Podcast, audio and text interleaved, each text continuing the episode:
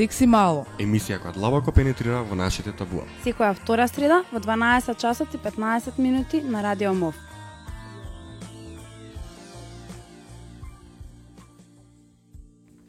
Здраво! Здраво! И од мене, мислам дека моравме да почнеме вака стандардно, како Були не би се навредил. Официјално здраво и на вистина се радуваме на уште една успешна сезона во Радио МОВ. Еве здраво и од мене, бидејќи овие гласови не се доста познати, нели, звучно по звучност. Ја мислам дека треба да го поздравим и Веле, бидејќи Маца Ани Веле е триото, кое што работеше долги Дуо трио, години да. на оваа емисија и Па, наградење веќе, на нашиот да. имидж. Така, веќе три години ни се фати земајки во земајки го заедно ноември. А, така да влегуваме во нова сезона, во нови предизвици, во нови а, информативни блокови. Да, Марија. Се шиго. Марија денеска од пламенка може да викате. Да, дефинитивно многу сум расположена и среќна, а уште посрекна ме прави фактот дека денеска имаме дополнително нови луѓе во во нашето студио кои што ќе ве дружат оваа сезона. Здраво и од мене, јас сум Ана Најдовска и оваа година ќе се дружиме повеќе. Здраво, Ана. Здраво. Здраво, здраво. Имаме две аниња во во собата. In the room, In in, the the, room. house. In the hood. Здраво, јас како последен ќе се најавам, единствено машко, се надевам ќе се дружиме во оваа сезона повеќе. Тоа беше Стефан, ама да него... машко- Не, извини, Да, Ани. Ајде, ајде Да, ми да се степаме денеска пак. Повели, ајде. Извини, единственото машко со се були заедно. Две. Тоа сакав да кажам, значи, каква телепатија. Се разбира дека многу сме срекни дека Були е денеска со нас и дека ќе бидеме повторно заедно цела година. Буквално се враќаме на старите места, онака како што дури истиот распоред на седење не е ист. Заедно со новите членови се разбира. Токму така, денеска ќе зборуваме малку, нема толку да се фокусираме на некоја конкретна тема, нема да имаме некој конкретен информативен пакет кој што сме испорачувале предходно, Ќе зборуваме една како ретроспектива ќе направиме фактички на сите активности кои што ги направивме ова лето, пред се кои што ги направи нашата младинска група, значи останатите дечки кои што не се дел од ова наша секси мал. Значи, една од главните активности ова лето беше обележувањето на 12 август, светскиот ден на млади. Секоја година на овој ден, значи, се случуваат разни, различни активности. А, главна тема оваа година беше менталното здравје. Токму така, Ана, значи, секоја година овој ден има некаква тема. Предходната година, на пример, беше малолетничка бременост, значи, како и да е, темите се врзани со потребите кои што ги имаат младите на, на глобално ниво. Токму и затоа е многу важно секоја една организација, независно дали сме ние хера, па се работиме на сексуално репродуктив, репродуктивно здравје, пардон, да даде свој импут гледајќи на проблемот од она што го работи како организација. Така, е, она што сакав да се надоврзам на твојот на на твоето е дека е, секоја година се обидуваме да ја покренеме свеста во е, на различните нивоа нели која станува збор за СРЗП за сексуално и репродуктивни здравје и права. Така да и оваа година направивме едно мало подигање на свеста во однос на тоа дека младинската група на Хира даде една uh, тоест направи една младинска изјава во која што објасни, би кажала накратко, колку можем ли, што и како се случува во врска со младите во светот и кај нас, што ни фали, што ни недостасува и за што се бориме, се разбира, за да имаме се секако подобро здравје. Сега ќе прочитам изведок од младинската изјава на Хирам. Оно што е можеби најголема препрека кога станува збор за целосно остварување на металното здравје е стигмата која што се јавува кон оние млади кои што веќе се соочуваат со некаква состојба на менталното здравје. Токму таа стигма, која секогаш е како рака под рака со менталното здравје, дополнително ги обесхрабрува да побараат помош. Менталното здравје на младите луѓе е занемарено поради различни фактори и услови во кои што живеат, се соочуваат со аксиозност, депресија, како и проблеми со однесувањето. Ова се најчестите проблеми со кои што младите и младите во пубертетот генерално се соочуваат на секаде светот, па и кај нас.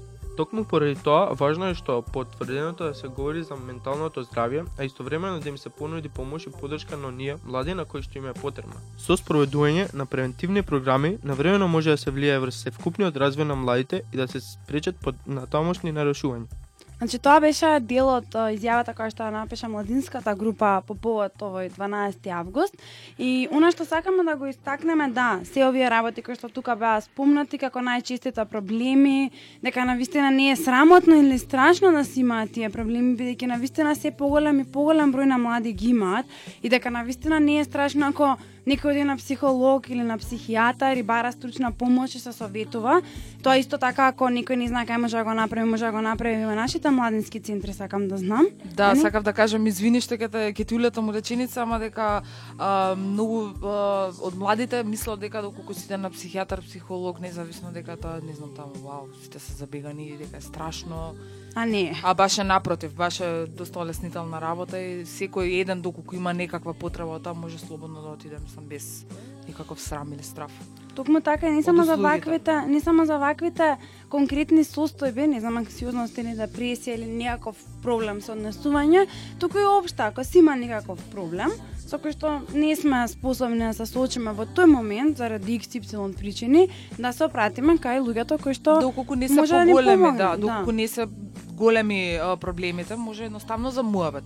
да Буквално. отиде. И за обичен муавет што Да. ви кани.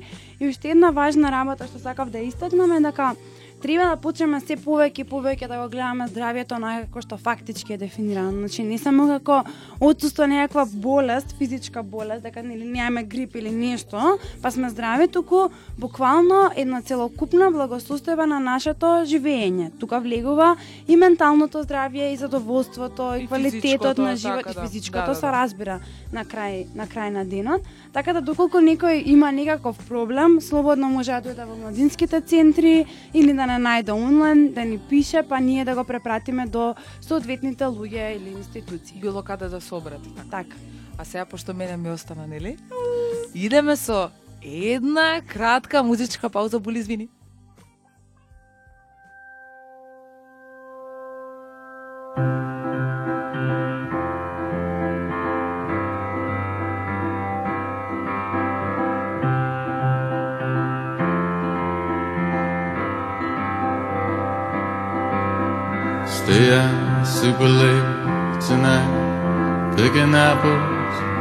Making pies. Put a little something in our lemonade and take it with us. Put half away in a fake empire. We're half awake in a fake empire.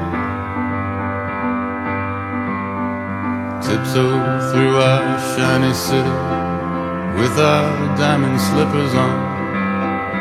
Our gay ballet and. Bluebirds on our shoulders, we're half awake in a fake empire. We're half awake in a fake empire.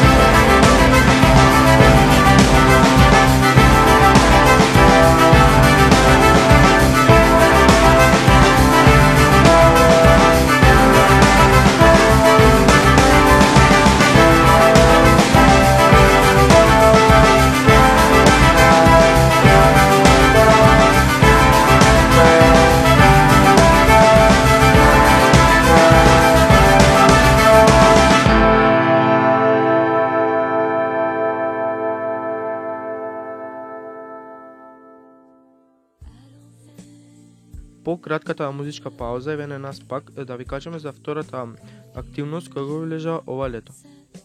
Настанот кој го бележа ова лето е денот на контрацепција кој се одржа на 26 септември со младинска трибина и младинска изјава под наслов на младите им треба повеќе информации за контрацепцијата.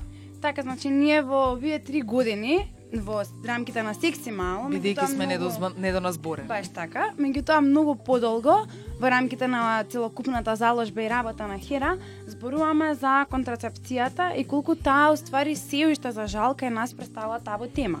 Значи табу тема представува самото користење на кондом, што е една од најдостапните методи на контрацепција, а камоли па да зборуваме за користење Нешто на малце поголемо. Да, на антибеби пилули, на орална контрацепција.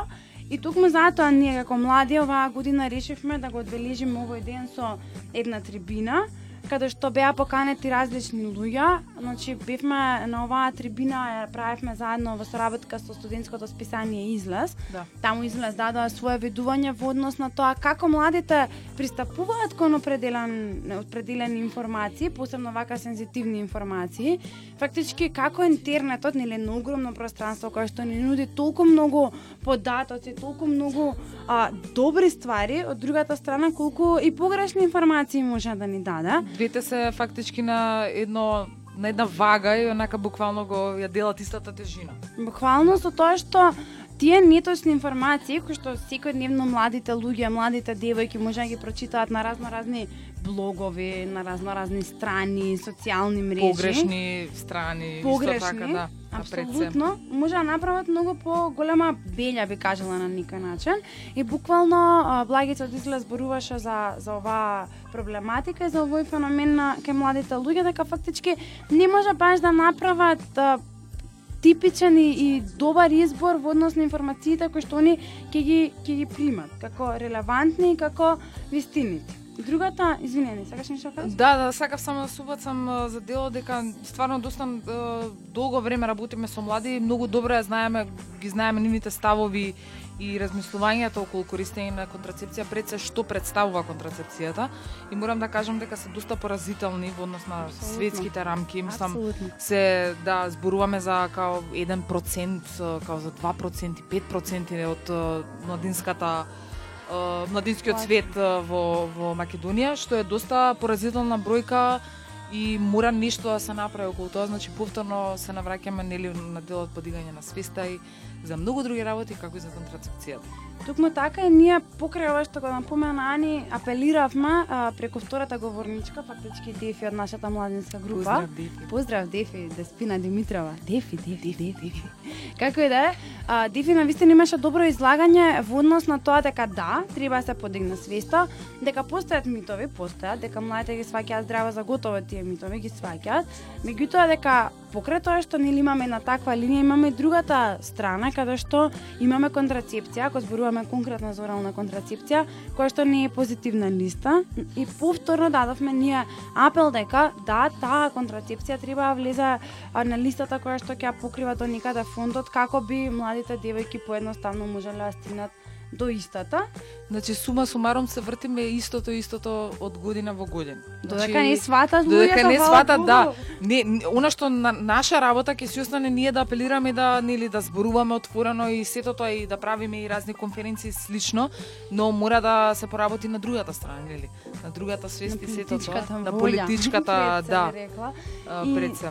Уна апел што секогаш и секогаш го споменуваме е нормално апелот за воведување на едно образование кое што ќе дава сопфатни информации во однос на сексуалното и репродуктивно здравје, па така ќе имаме генерации кои што се свесни, кои што се разбудени и на вистина генерации на млади луѓе кои што ќе знаат што и како треба да прават за да останат заштитени, а со тоа да имаат и поквалитетен живот и да бидат генерално гледано по Срекни Срекни задоволни и ќе ке знаат во одредени моменти како можеби да изреагираат и а, што понатака, ајде да кажем, следи. Баш така, Така. дефинитивно.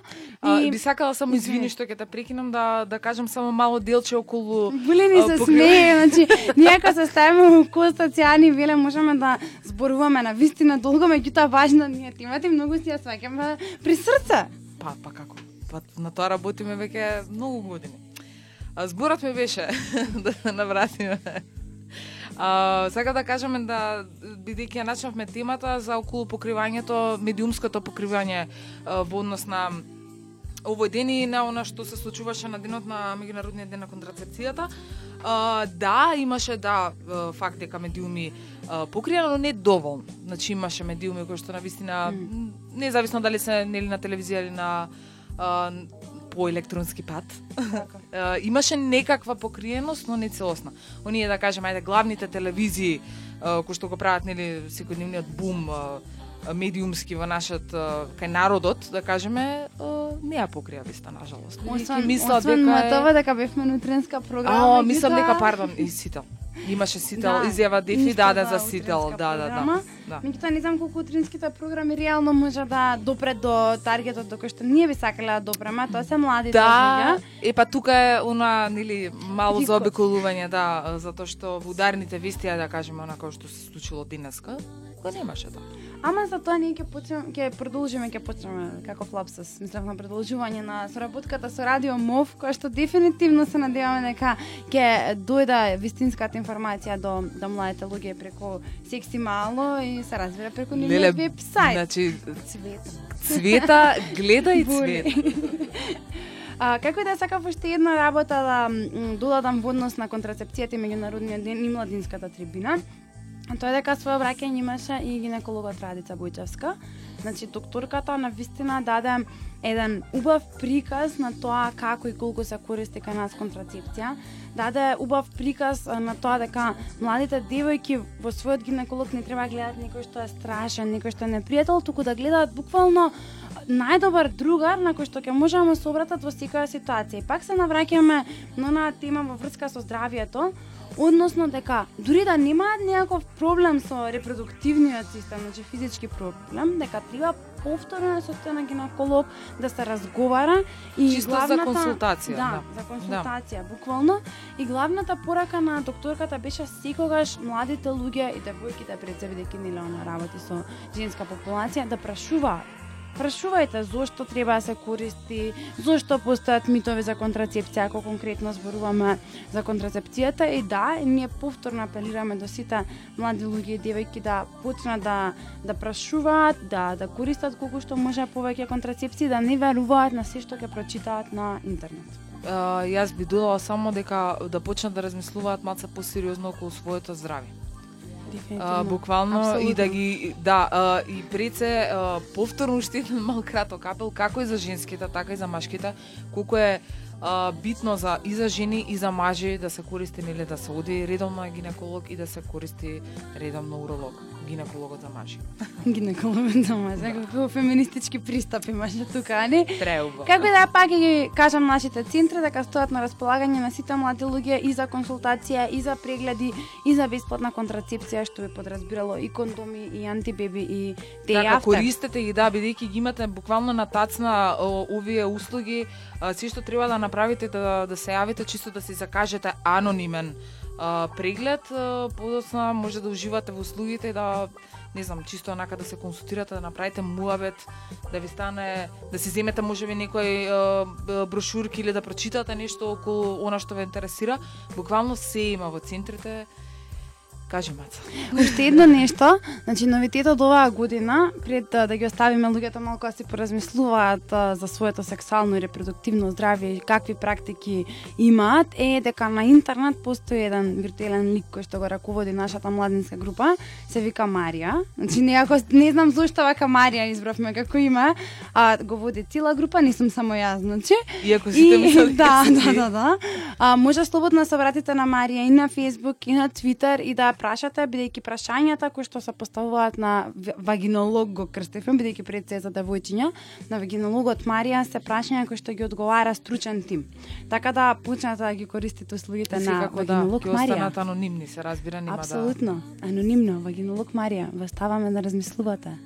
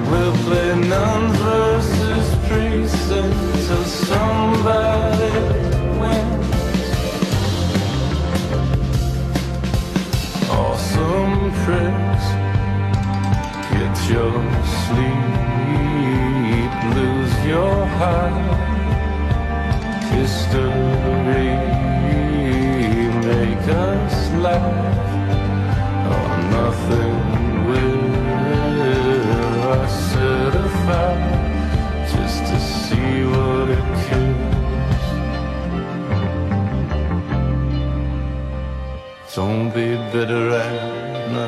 I know how you think. You're waiting for Radio City to sink. You'll find commiserate in everyone's eyes. The storm will suck the pretty girls into the sky.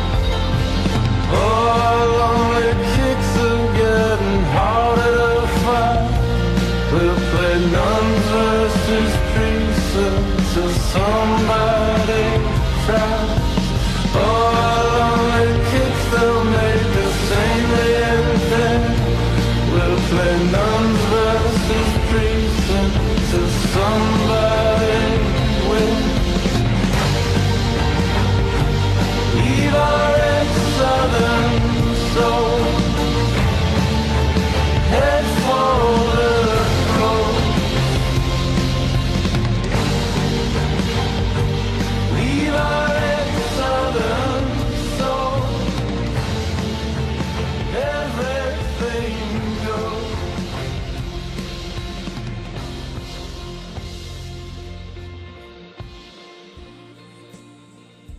Еве назад пак во студио, третиот блок ќе го обележиме со глобалниот ден за акција за пристап до безбеден и легален абортус кој се одржа на 28 септември.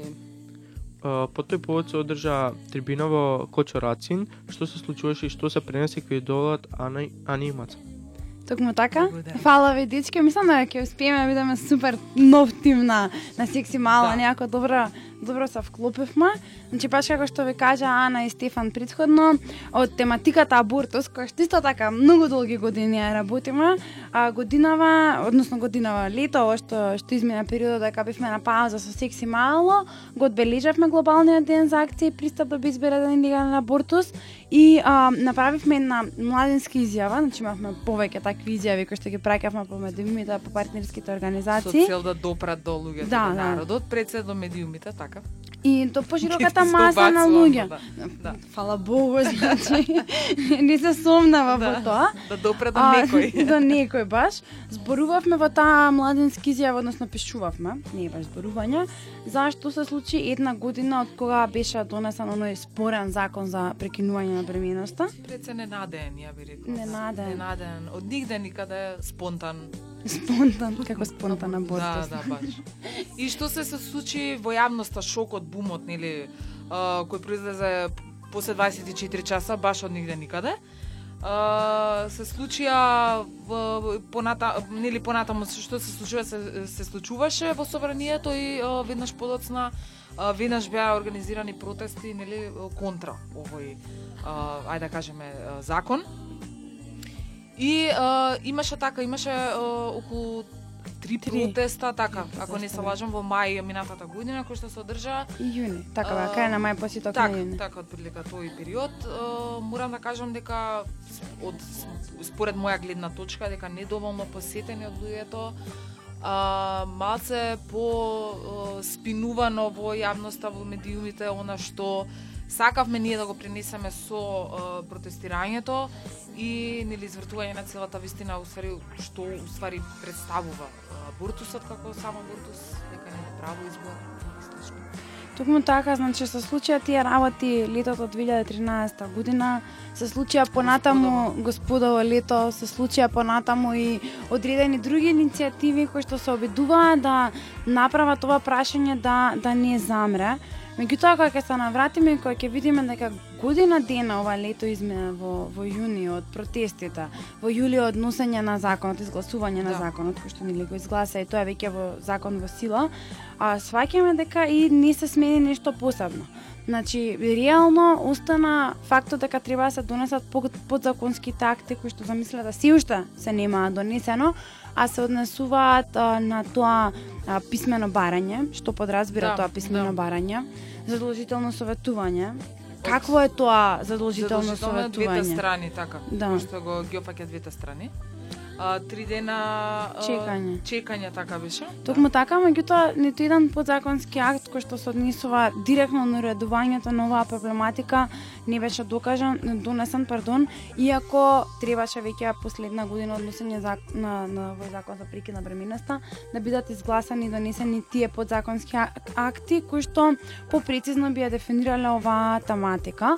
Дополнително, бидејќи нели имаше цела една иницијатива на чело со професорката Астарот и со другите организации кои што ја спореа уставноста реално на овој закон. Да, да. Значи, кој што и ние сме како дел од Хера и младинска група а, поддржувачи на таа иницијатива и вклучени во таа иницијатива која што вели дека нели ако жената се скратува изборот, немаме тука право едноставно, нема Едноставно жената самото право и се скратува. Буквално, на жената, да. значи нешто што ние сме го донеле сустав сега и го и го порекнуваме на жената, значи ја деградираме, омаловажуваме, велиме дека не може сама да да носи одлуки и ред други работи, меѓутоа одговор се уште не е довен на оваа Но, представка да, до ставница. извини, да, исто така она што се обидоа да го направат со самиот бирократски систем, ајде да кажеме на поднесување на тие документи и пополнување, а, самите луѓе, ајде да кажеме, кои што пр- просведочија во однос на тоа, кажаа дека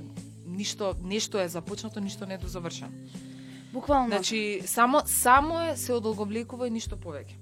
Буквално и сега нашата главна активност во овој период, значи и летово што помине е сега, е да ги поттикнеме сите млади девојки, сите жени кои што се решиле да ја направат оваа интервенција. Законот е тој, значи мора да се отиде на гинеколог, да се поднесе писменото барање, да се оди на тоа советување кој што никој фактички не знае што подразбира тоа Да. советување, да се чека три дена, така, да, мислам се знае дека е тим на лекари како што беше претходно, А, меѓутоа што фактички тој Да. тим на лекари, стручњаци, психолози, социјални работници ќе зборуваат, не сме баш сигурни, освен што знаеме дека многу повеќе се потенцира предноста од останување бремена и негативните страни на абортусот, а не се нуди целосна и вистинска психосоцијална поддршка. Бидејќи Значи- ги знаеме причините од позадина.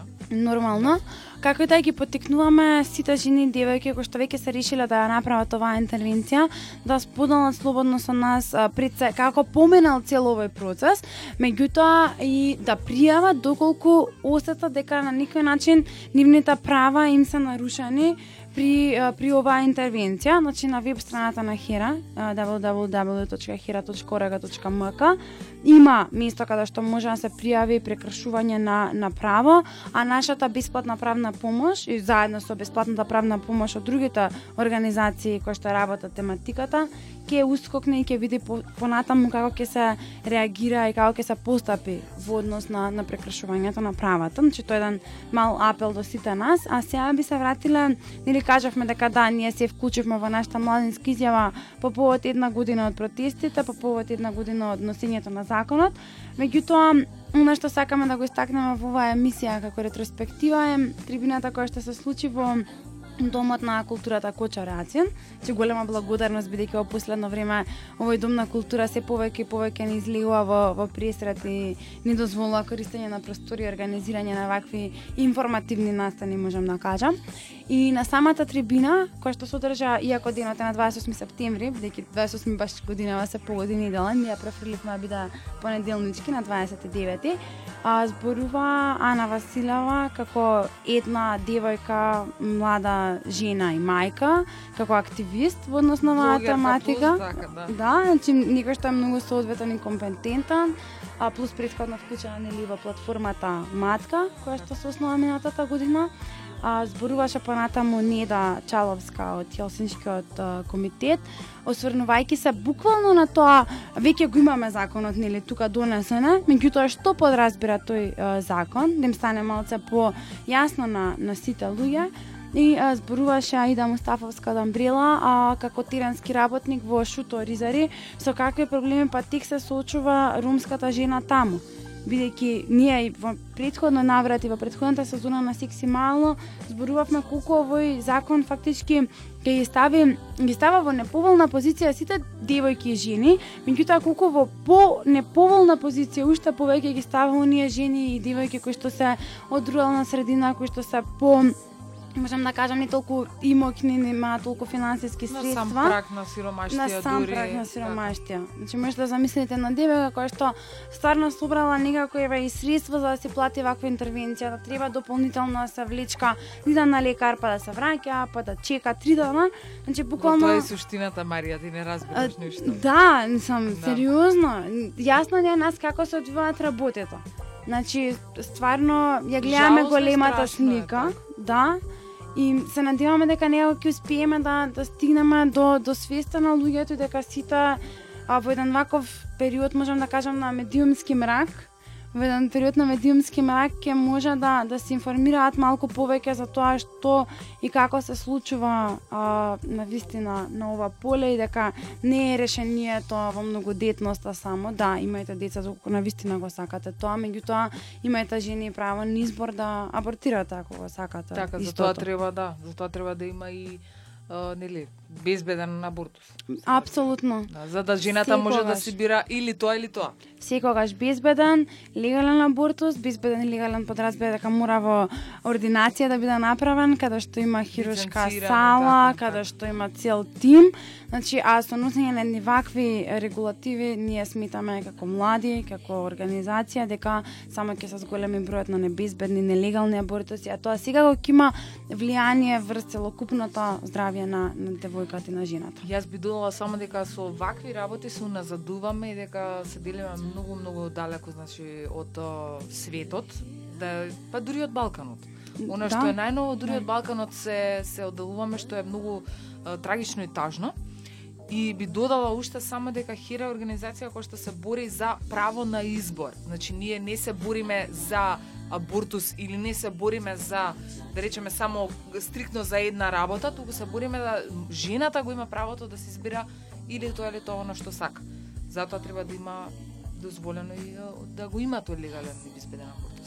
Токму така пред да ви кажем официјално чао, да подсетам доколку некоја девојка, жена или пак нека блиска на девојките жените се соочи со прекршување на некаква права во однос на абортусот, слободно да се обрати до Хера и да го пријави истото. Можете да и јас да додадам уште едно за пред да кажеме чао. Го заменувам Веле овој ден. Да, значи веле фалиш. Значи, Веле не ти е лесно стварно. Не, сакав само да да кажам она што и приеска го го кажавме, користете ги услугите на нашите младински центри слободно. А, можете да се јавите а, доколку имате интернет, се разбира пристап до интернет може да отворите на нашата страна на во нашите центри да проверите што има да се обратите на на мејл кај нас, на Секси Мало, на Facebook, на Twitter, секаде сме, на секаде сме. значи, Секаде. Може слободно да не користите и е, бидете паметни во идна. Чао. Чао, убав ден и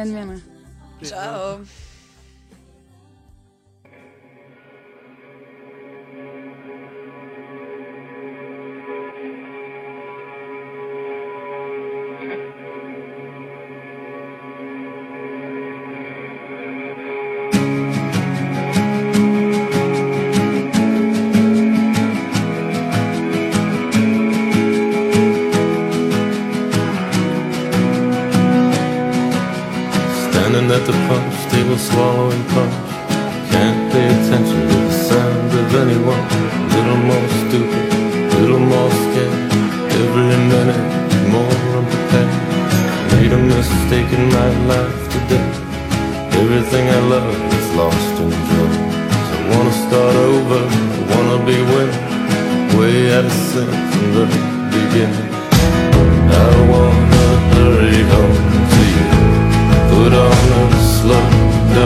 Show for you.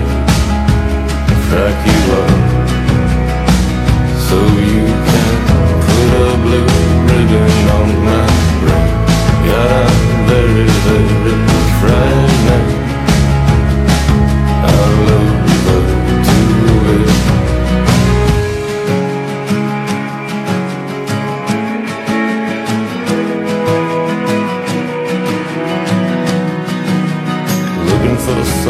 standing still. I leaned on the wall, the wall leaned away. Can I get a minute and not be nervous and not thinking of my day? My leg is wobbled, my leg is pins. I better get my shit together, better gather my shit in. You could drive a car through my head in five minutes, from one side over to the other. I wanna hurry home. Put on the slow